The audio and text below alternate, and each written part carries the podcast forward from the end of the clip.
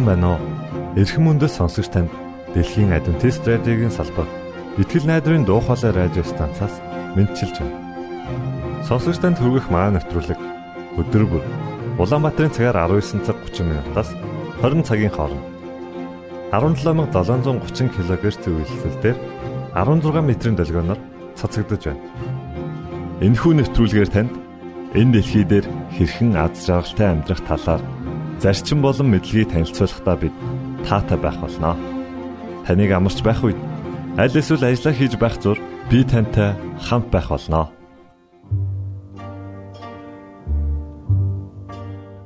Өнөөдрийн дугаараар та бидний эрүүл мэнд юу бодож байгаатай маань холбоо хамааралтай юу гэдгийг олж мэдэх болно.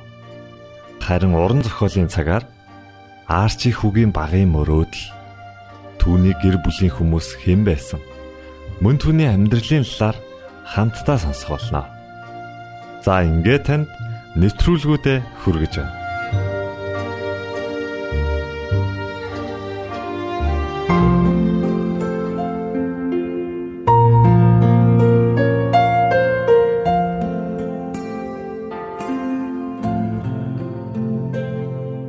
Эрхэм баян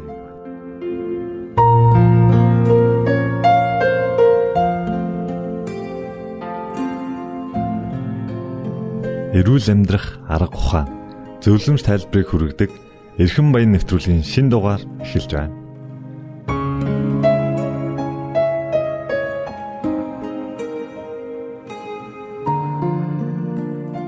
Ингээд танд Монголын адвентист чуулганы эрүүл мэндийн хэлтсийн захирал болох энх баяртай хийсэн ярилцлагыг хүргэж байна. За бүгдээрээ өнөөдөр шинэ шинэ гараа буюу New Start гэж хүний эрүүл зохистой зөв амьдрахад бидэнд өгсөн зөвлөгөөний талаар дэлгэрүүлж ярилцъя л да. Эхний N буюу nutrition гэсэн үг байгаа. Тэгээд энэ маань шим тижэл гэж бид нар ойлгож болох юм. Тэр хүн ер нь хоол хүнс идчихэж эрч хүчээ авдаг. Хүн идэж байж яхаа эрч хүчтэй байжээж амьдрахт а бас тэр эрч хүч энерги зарцуулж яж хүн амьд оршдог Тэгэхээр энд бол би мэдээж амьдрахын төлөө иддгүү идэхин төлөө амьдрдгүү гэдэг асуудал хөндөж байгаа юм биш. Харин та амьд байхын төлөө идэх учиртай. Та амьд байгаа учраас та бурханд үйлчлэх ёстой. Та амьд байгаа учраас та эрүүл саруул байгаа учраас олон олон эрүүл бас чанартай амьдралын чанартай жилүүдийг ардаа өдөх болно гэж бодож байна. Тэгэхээр бурхан дэлхийн ертөнцийг бүтээж өгтөө түүний идэх хоолыг нь хамгийн түрүүнд бүтээсэн байна. Өөрөөр хэлбэл хүнийг бүтээхээс өмнө бурхан эдэн цэцэрлэгт хүний идэх хоол хүнсийг нь мэдээж амьдрах орчин эхлээ бүтээгдсэн байгаа. Хүний идэх хоол хүнсийг нь бүтээсэн байсан. Тэгэхээр бидний бие махбодод зохистой хоол хүнс маань ургамлын гаралтай, өрт ургамал, будаа, тариа, хүнсийн ногоо. Хүнсийн ногоо мэдээж сүулт дэглэмээр орж ирсэн байна. За ингээд өглөөний хоолыг яриа л да. Өглөөний хоолнд хүн өдрийн туршид тэр хүнд хэрэгцээтэй эрч хүчийг өгөхөөр хоолыг өглөөдөө идэж явах учиртай юм аа. За ингээд өглөө бослоо. Өглөө хүн босоод цайгаа авна. Манайхан бол өглөөний цай авах гэж ярьдаг л. Яг үндэ л өглөөдөө цай авах та биш. Өглөөдөө бүр хоол идчихвэл зүгээр. Хоол идэхдээ оройн хон хонсон халаасан хоол биш юм аа. Өглөөдөө боломжтой болвол мэдээж хоол хийж идэн гэдэг бол цаг зав их шаардах учраас хурдтай богино хугацаанд хийж болох чанарлаг хүнс идэж болох нэ тий. Үүний тулд ямар хүнс өгдвэ гэдээ аваад үзье л да. За би өөрийгөө яриа. Миний хувьд бол би өглөө осоод мэдээж ус уун хамгийн эхлээд хотод хаасан байгаа хотодыг усууж хоол боловсруулах замаа бэлтгэх хүчтэй юм аа. Ингээ хоол боловсруулах замаа бэлдсэнийхаа дараа 20-30 минутын дараа хоол идэх бэлтгэл хангацсан гэсэн үг шүү дээ. За өглөөд би өглөө эрт ажилдаа ядаг учраас өглөөдөө би obviously нэрс буюу одоо oat гэж байгаа тий. Obviously нэрс скол гурвалжин бодог гэх мэт хамгийн хурдан болдог өглөөний каш идэг. Яагаад би obvious-ыг яриад байгаа гэхээр obvious маань маш их эслэг агуулсан хүнс дээрээс нь маш их илчлэгтэй өөрөөр хэлэх юм бол obvious идснээрээ тэр хүн амархан үлсдэггүй байхад байна. Үлсдэггүй мэдрэмжийг төрүүлдэг байх нь. Өөрөөр хэлбэл задрага нь бол удаан а эстиг ихтэй учраас бас би их хэрэгцээтэй биес гарах ёстой хог шарыг туугаад гаргачдаг байна шүү дээ. Тэгэхээр ирч хүчтэй байхын тулд одоо уураг, өөхтөс, нүрс ус гэдэг гурван зүйл хэрэгтэй байна шүү дээ. Дээрээс нь амин дэм, эрдэс байц таван зүйл. За өглөөний цанаас бид нэр энэ таван зүйлийг тавуулангийн авна. За ингээд өдрийн хоол мэдээж 4-5 цаг ходоод амрах ёстой учраас 4-5 цагийн дараа өдрийн хоол ий. Өдрийн хоол идтэл хүнд аль болох дундуур нь илүү зүйл идэхгүйгээр зөвхөн ус л ууж байгаа хэрэгтэй. 2-аас 3 аяг ч юм уу 4 аяг ус уучгаад бол хүний өсгөлэн мэдрэмж өгөө болдог. Нэг зүйл байдаг л да хоол идсний дараа 2 цаг орчмын дараа хүн өсдөг. Энэ бол яг өсөлт биш. Энэ бол хуурамч өсөлт. Яагтгүй л өсөлт цангах 2 цаг тархинд ойр байдаг учраас 2 цагийн дараа хоол боловсруулах системд ус шаардлагатай учраас хүнд өсөж байгаа юм шиг тийм мэдрэмж төрдөг. Өөрөөр хэлбэл тэр дохойг хүн өсөж байна гэж ойлгодог байх. А гэтэл би цангаж байна, хоол боловсруулсан бүхэл хоолоор дүүрчлээ. Одоо шингэн зүйл өгөөч энийг цааш нь явуулъя гэсэн дохой байдаг. Энийгээ бид нар мэдээд авчих юм бол яах вэ? Өсөж байгаа биш харин юу байх нь? Цангаж байгаа юм байна гэд ус уух хэрэгтэй. Өдрийн хоол 4-5 цагийн дараа гэхээр бид нар өглөө 7:30-д идсэн болвол 12:30 1 цагийн орчимд өдрийн хоол иднэ гэсэн. За өдрийн хоолнд харин идэх ёстой хоолныхаа бас нэлээд ахиу хувийг өглөөний хоолыг хамгийн ихээр өдрийн хоолыг өдөрт идэх 24 одоо юу гэмтэй өдөрт идэх хоолыгаа 100% гэж авч үзэх юм бол өглөө бидний идэх ёстой хоол маань өдрийн 100% хоолны 3-ны одоо 3 хуваахад 30 хэд 30 хэд хуваар идэх ёстой. Өглөөний хоолнд түүнээс илүү 40 орчим хувийг идэх ёстой болчихж байгаа байхгүй юу? За тэнгуут өдрийн хоолндоо бид нар 60%-ийнхаа бараг дахиад 30-аас 40 орчим хувийг идэх хэрэгтэй. Өдрийн хоолнд илүү бас өглөөдөө илүү эрч хүчтэй хоолоо авчлаа. А өдөр бас ойролцоог авчиж болно. Зарим хүмүүс 2 удаа хоолдог. А тийм тохиолдолд өнийг 40 50 40 60 50 50 ч юм уу гэж хувааж идэж болох юм байна. Тэгэхээр хүн үнийг яаж төсөөлж барагцаалах вэ гэх юм бол өглөөд нэг аяга овьясны агшаамлаас хүн тэгээд эдсэн хоёр талах нэг алим ч юм уу жоохон самарнаас өдөрт авах хэвээр 1800 ккал илчилгийнхаа дийлэн хийхин авчих хэвээр үргэлжлэл 700-аас 800 ккал гэх юм уу тий. Тэгэхээр өдөр хүмүүс их их иддэг. Яагадгүй л их чинь ажил дээрээ ирсэн байдаг учраас гэрээсээ хоол авчираад халаагаад иддэг. Аа бас хоолны газар хоол иддэг. Тэгвэл өдрийн хоолнд юу байх хэвээр вэ? Нөгөө уураг, өөхтөс, нүрсөөс, эрдэс байдас ас аминд. Бид нар ерөөсөл 5 зүйл идээд байгаа байхгүй юу? Харагдах байдлаар өөр боловч идж байгаа зүйл маань бидэнд энэ тавыг л өгөх хэрэгтэй юм байна. За энэ тав маань өшөө задарнаа амин хүчил болно гэд бүр нарийн задаргааны төвшөнд ингээ бид ороод задрах төвшөнд ярих юм бол нэлээд хэцүү. Тэгэхээр өдрийн хоолнд бид нар нөгөө таван зүйлээ идэхдээ өөр хэлбэрээр итгэнэ штэ. Будаатаа хоорох, төмстэй хоорох гэдэг юм уу те. Яг адилхан тэн дотор төмсөн дотор будаан дотор нь адилхан нөөц сусал байж байгаа. Тодорхой хэмжээний илчлэг уураг байгаа. За тэгээд энэ бүгдийгээ зохицуулаад мэдээж би бүх хүмүүсийг яг ийм хоол идэх ёстой, тийм хоол идэх ёстой гэж одоо хэлж болохгүй. Харин би өөрийнхөө тухай ярьсан тийм ээ.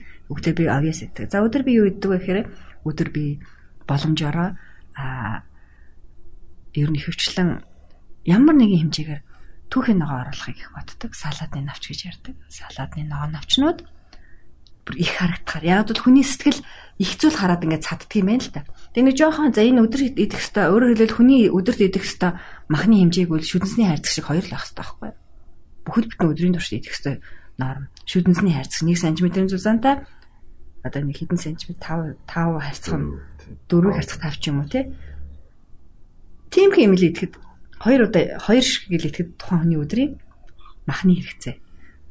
Тэрийг ингээд тавьчих. За өдөр чи махны хэрэгцээ гэх нэг хоёр жижигхэн төсөнд аюу тавьчих юм бол хүн чадахгүй шүү дээ. Өө ямар жоох юм бэ гэдэг. Нөгөө сэтгэлэн чадахгүй. Тэнгүү тэрийгэ маш их ногоогоор навчаар ингээд нэвсэл нь очих нь шүү дээ. Хажууд нь төмөс тавих нь байна. Бутаа тавих нь байна За ингээ босод өөр зүйл тавих нь байна тий. Ингээд би хувьдаа бол мах иддэг л дээ. Аа махыг орлсон махнаас авах ёстой шимт бодисыг өгдөг өөр хүнсний бүтээгдэхүүн байна. Жишээлбэл шошнууд байна. Шар бурцгийн бүтээгдэхүүнүүд байна. Жишээлх юм бол дөпү шар бурцгаас гаргаж авсан махнууд байна. Хиймэл мах гэж ярьдаг тий. Тэг яг л үнтэй адилхан. Энэ бүх зүйлийг би өдрийнхөө хоолноосоо авах нэ. Өөрөөр хэлбэл өнөө таван зүйлээ өөр хэлбэрээр би авч идэх нэ. Тэгэхээр мах маань болохоор яг хүний бие тэр нэг таван зүйлсээ юуг нь өгч байгаа. Хүмүүс ягаад дандаа махыг голчлоод байдаг тэрийг. За мах маань уургийн агуулмж өндөртэй хүнсэнд ордог. А маханд маш их хэмжээний уург байхаас гадна өөх тос ус байдаг. Яг бол амтны гаралтай бүтээгдэхүүн учраас. За тэгэхээр махыг орлуулж болох хүнс гэж хэллээ тий. Сая овья, борцог, тэгээ янз бүрийн шашнууд байдаг. Тэгэхээр эдгээр нь мөн бас уургийг өгдөг гэсэн. Аха эдгээр маханд байгаа уурагтай харьцуулах юм бол дүүцэж очихус хэмжээний уургийн агуулмжтай хүнс. Жишээлбэл брокколи гэхэд махтаа бараг дүүцэж очихоор. За улаан шуш махтаа дүүцэж очихоор. За бүр шар борцог гэж байгаа бол махнаас хайв илүү их хэмжээний маш хүний биед ороод маш зөөлөн задарч чаддаг уургийг агуулдаг. Аа яг түн маханд орчдөг вэ гэхээр мах маань өөрөө за энэ бол нэлээд тийм бодвоштой асуудал махсдаг тэг хүмүүс мах идэхгүй болчоор яагаад махсаж байна? Тэгэхээр энэ тодорхой хэмжээний яг тамхитай тамхи татдаг байж байгаад гарахаар татмаар эргээ санагддаг нэг тийм үе ирдэг. Үүнтэй адилхан мах иддэг хүн байжгаад маха багсгаад махнаас гарсан хүнд мах идэхгүй хэд хонсны дараа ингээд мах идмээр болоод болохоо байдаг. Энэ хоёр бол яг адилхан нөгөө хамааралд орсноос хамааралд өөрөө л нэг бодисоос хамааралд орсноос өгж байгаа сөрөг одоо тийм мэдрэмж гэж хэлэх юм уу да. Тийм зүйл withdrawal syndrome гэж ярьдаг. Тэгэхээр мах иддэг хүн шууд махнаас гар гэж би болоод хэлж байгаа юм биш. Яг багсгаж болно. Аа өөхт өөхийг асаж асах маягаар маха махныхаа идэх хэмжээг багасгасаар тий өөрөөр шүдэнсний хайрцаг шиг хоёрыг л өдөртөө идээд байх юм бол яг болж байна л гэж үзэж. Гэхдээ та илүү урт эрүүл байхыг хүсэж байгаа бол эрүүл мэндэ илүү их анхаарахыг хүсэх юм бол аль болох амтны гаралтай бүтээгдэхүүнээс татгалзаарай. Яагадгүй л тэндээс авдаг уураг тэндээс авдаг өөх тосноос илүүтэй эрүүл өөх тос уургийг агуулсан ургамлын гаралтай хүнс байдаг юм байна. Үүний нэг нь шар бурцаг, бусад төрлийн шош, шар бурцгийн бүтээгдэхүүнүүд.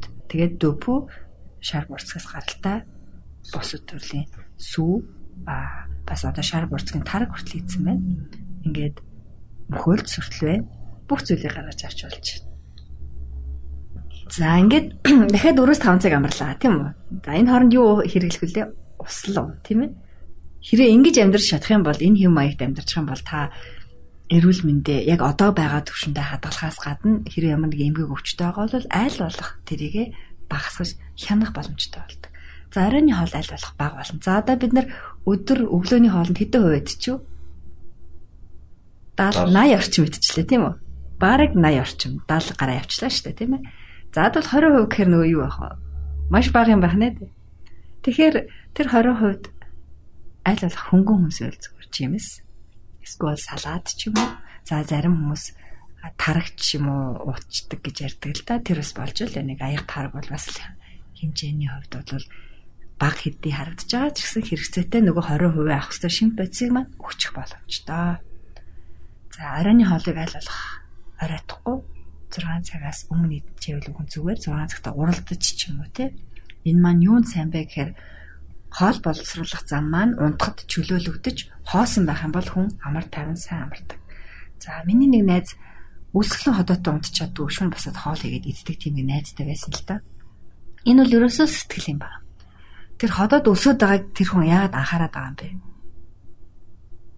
Анхаарлаа өөр зүйлд хандуулж байна. Тэгэхээр хүний уурах тарих энэ бүх зүйлийг удирдан хянж байдаг учраас уурах тарихында зөв мэдээллийг зөв тохиолыг өгөх учиртай юм аа уурга тархинда удирдуулж биш уурга тархиа өөрөө удирдах зөв мэдээлэл зөв контрол одоо зөв одоо өөрөө зөв удирдахж ижил а бид нар уурга тархи бодол санаагаа хянана шүү дээ. Тэгэхээр уурга тархи маань би ямар команд өгнө биелүүлэхэд бэлэн байдаг. Тэгэхээр бид нар уурга тархиндаа зөв мэдээлэл өгчөөч хүн өдөрт 3 удаа хооллох зохистой юм байна. Хоол хоорондын зай 4-5 цаг байвал зөв юм байна гэдэг дахин дахин өөртөө сануулж байж дээрэс нь идэж байгаа хоолны маань 30-аас 40% нь өглөөдөө бас тэр орчим хүн өдөртөө хамгийн бага хүн оройдоо байх хэрэгтэй юм байна. За тэгэхээр өглөө 9 цагт ажилдаа явдаг хүн байлаа гэж бодъё тийм үү? За тэгвэл одоо яг хэдийд хэдийд хоол идэх хэрэгтэй вэ гэдгийг бас хоёлаа тодорхойлоо гаргая л да. За тэгээ. За 9 цагт ажилдаа явна. За тэгэхээр мэдээ за гэрээсээ 8:30 гэж гардаг байлаа гэж тийм. За 8:30 гэж гардаг байлаа гэхэд хоолоо 8 цагт хийж идэ. За 8 цагт хийж идлээ. 8 цагт хийж идэж хэрэггүй. 8 цагт яг хоолоо амдаа халбагдаж хийхэд тохируулж хоолоо яг идэ тийм үү 8 цагт яг идэ. За тэгэхээр 8 цагт идлээ гэж бодоход дараагийн хоол нь Нэг цаг. хэдэн цагт вэ? 1 цагт тийм 4 5 цаг гэхээр Тийм. 1 цаг 5 цаг. За 1 цагт идлээ. За дараагийнх нь хоол нь тэгвэл 6 та уралдаж байгааз. аа за үнэхээр яг бодож байна тийм үү? 6 та уралдаж байгаа. Оройныхоо хоолой 6 цагта уралдаж.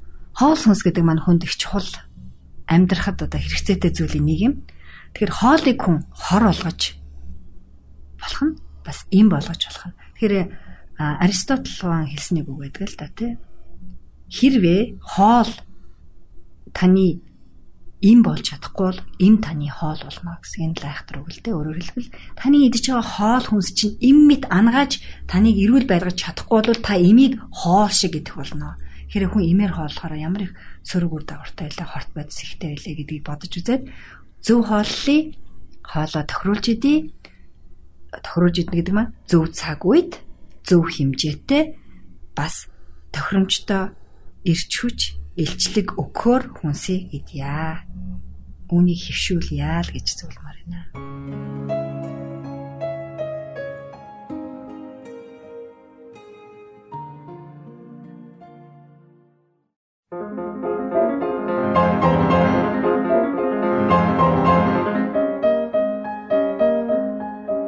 Уран зохиолын цаг.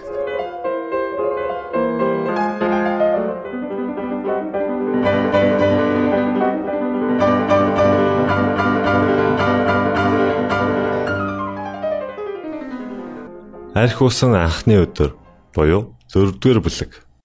Василийн дахин 1911 оны 6 дугаар сарын 22-ны өглөө зуны анхны өдрийг зарлах мэт онготоход Арчи эртлэн сэрв. Энэ өдөр Арчигийн хувьд Шиповиких гэдэг айлыг ахлах анхны өдөр байлаа. Энэ өдөр Самуэль Шиповик Канад руу явж Подольск тосгоны Шиповикийнхны гэрүүлийг хариуцуулах өдөр боллоо.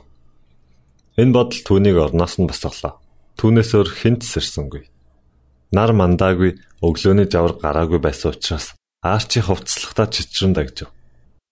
Өнгөрсөн шөнөө сэтгэл хөдлөсөн үйл явдлаас болж дүүндэр нь газар хаа хамаагүй унтсан учраас дэгэнцэн догонцон хаалга руу ойртов.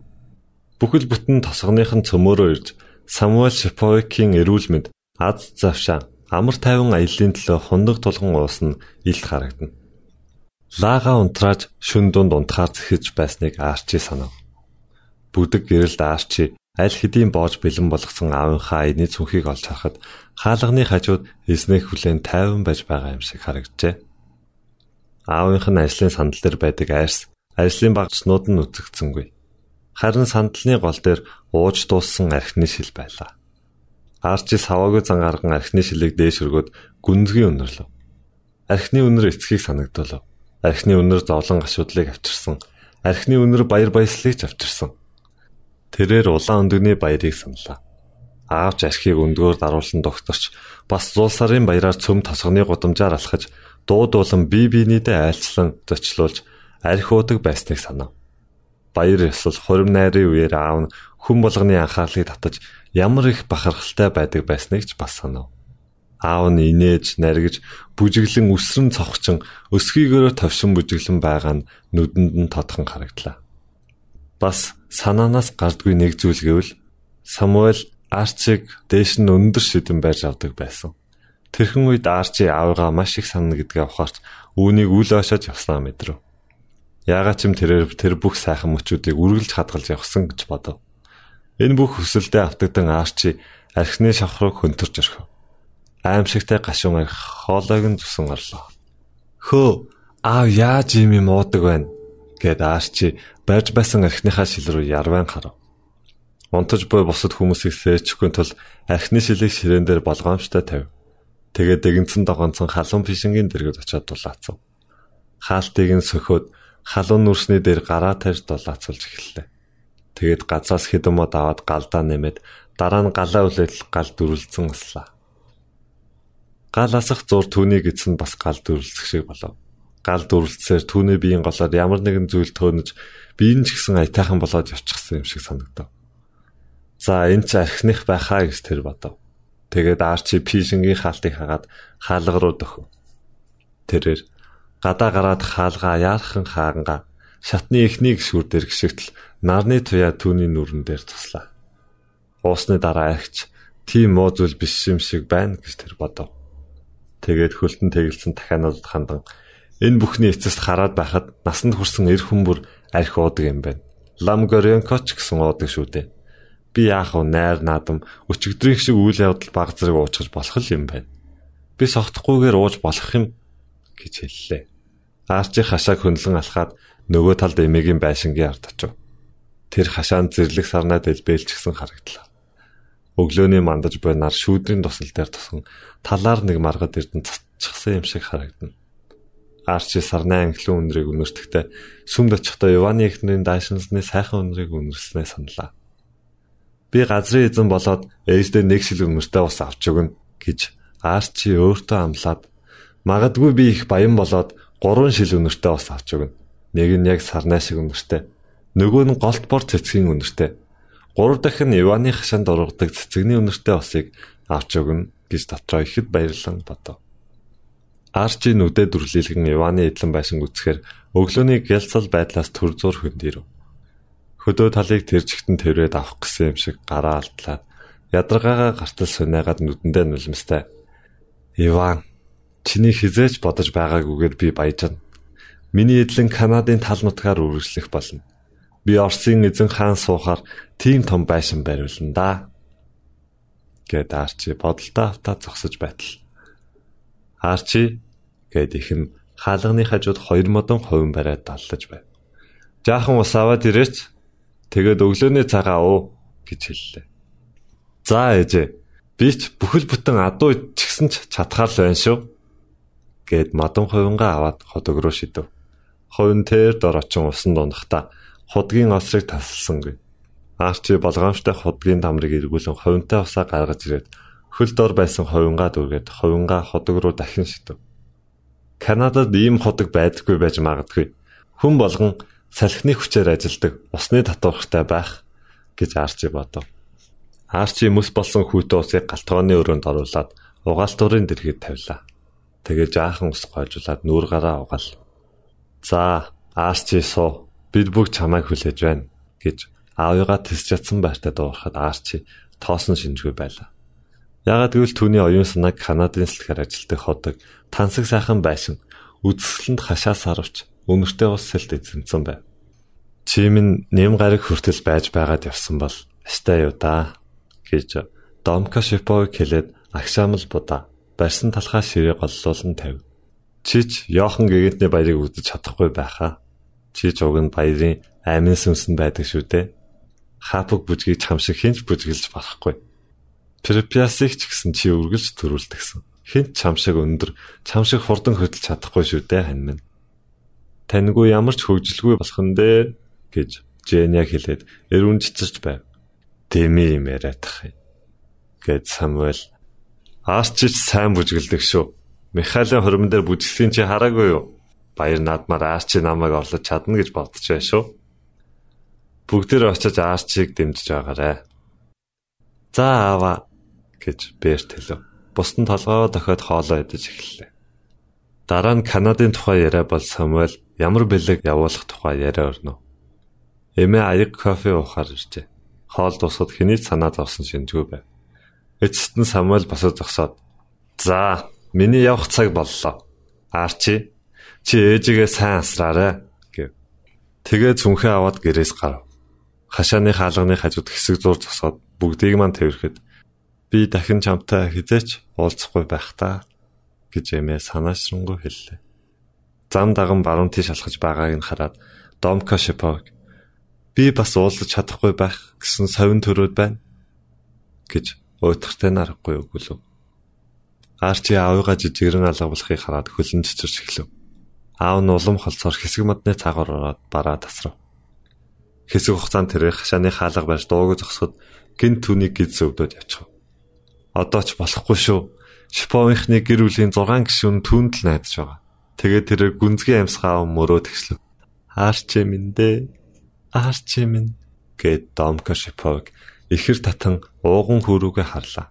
Арчи ээжигээ тавираад бүх юм сайхан болноо ээжээ гэж хэлэхэд түүний хоолоос сөнгөтөрч хөлдөн зүгээр болсон байв. Аав бидэн замын зардал явуулах хүртэл би таныг асарна. Бүх юм сайхан болно. Би маргааш танд зориулж хопак бүжиг бүжиглэн. Заавал шүү. Өө тийм үү. Би очиж Мартад хэлнэ гэд Женя бас ойлов. Гэхдээ Март аяг тавг угааж дуусны дараа л хэлж болно шүү гэж Арчи хэлээд чи нааша хүрээдэр гэж байшингийн болон руу гитэж байсан отхон дүүгээ дуудав. Роман та хоёр надад мод хагалахад минь туслаарай. Би мод хагалмааргүй байна. Загас өрмөр байна гэж Роман шалтгаан зав. Тэгтэл Домка Шипо Арчи бүх зүйлийг мэдэх болсон. Ахынхаа юу хэлснийг хий гэд Романыг нуруунд дээр нь зөөлхөн алгатав. Тийм ээ. Арчи энэ гэр бүлийг тэргүүлэхдээ ч сэтгэл хангалуун байв. Арчи энэ гэр бүлийг асарч хамгаалахын хувьд чадах бүхнээ хийн. Маргааш Йохан гэгээдний баярт аавынхаа оронд бүжиглэнэ. Бүжиг болох өдөр тэд тусгай хол хийв. Майр, Женя хоёр төмөс бан шиг уулаваа шиг ихийг хийхтэн тусалжээ. Тэд төмсөө чанж болгоод сонгон хийж хүрэн өнгөтэй болгоод дараа нь шаргал өнгөтэй болсон хоор. Тэгээд мах ихтэй байцааны оромог, бислэгтэй бин, шинхэн талах, зөгийн балтай боов зэргийг хийв. Роман Берт хоёр загсан өсөр галзуухны өрөөндөх түлээний харцгийг дүүргээд ус зөөж авчрав. Арчи зорноос зөвхөн баярлалаар өмсдөх хувцас авахд эмээн тослоо. Би чамайг аавынхаа хувцсыг өмссөн байхыг чинь харгасан гэд эмээ хурдан хөдлөн хувцсан дотроос харангийн өмд цагаан сарл ханцуудад цамц гаргаж ирв. Цамц нь хажуу талдаа товчтой хар өмдтэй байлаа. Сайхан зохиж. Нэг өвлжөнгөө нухаж байж наадахыг чинь хийсэн юм гэж эмээн хэлээд нүдэн гэрэлтэд явчихв. Арчи өнгөрсөн 2 жилийн хугацаанд эмээг ийм баяртай байхыг хараагүй. Энэ хувцсыг хийдэг жил их цасан шуурга болж илээ. Самуэль энэ хувцсыг өмсөд хопаг бүжиг бүжиглэхэд ямар сайхан харагдаж байсан гэж. Тосхондоо л сайхан залган байсан юм да. Эмээ нүдээ анин хэсэг зур болоод одоо аав чинь байхгүй. Маа үнийг өмс Та уран зохиолын цаг навтруулгийг бүлээн авч сонслоо. Дараагийн дугаараар уулзтлаа. Түр баярлалаа.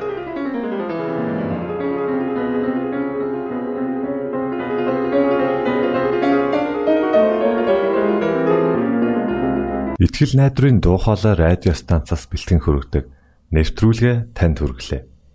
Хэрв та энэ өдрийн нэвтрүүлгийг сонсож амжаагүй аль эсвэл дахин сонсохыг хүсвэл бидэнтэй дараах хаягаар холбогдорой. Facebook хаяг: Латин үсгээр Монгол заавад AWR Имэйл хаяг: mongol@gmail.com Манай утасны дугаар 976 7018 24 9 Шуудангийн хаяг 16 Улаанбаатар 13 Монгол улс Биднийг сонгон цаг зав аваад зориулсан танд баярлалаа. Бурхан таныг ивээх болтугай.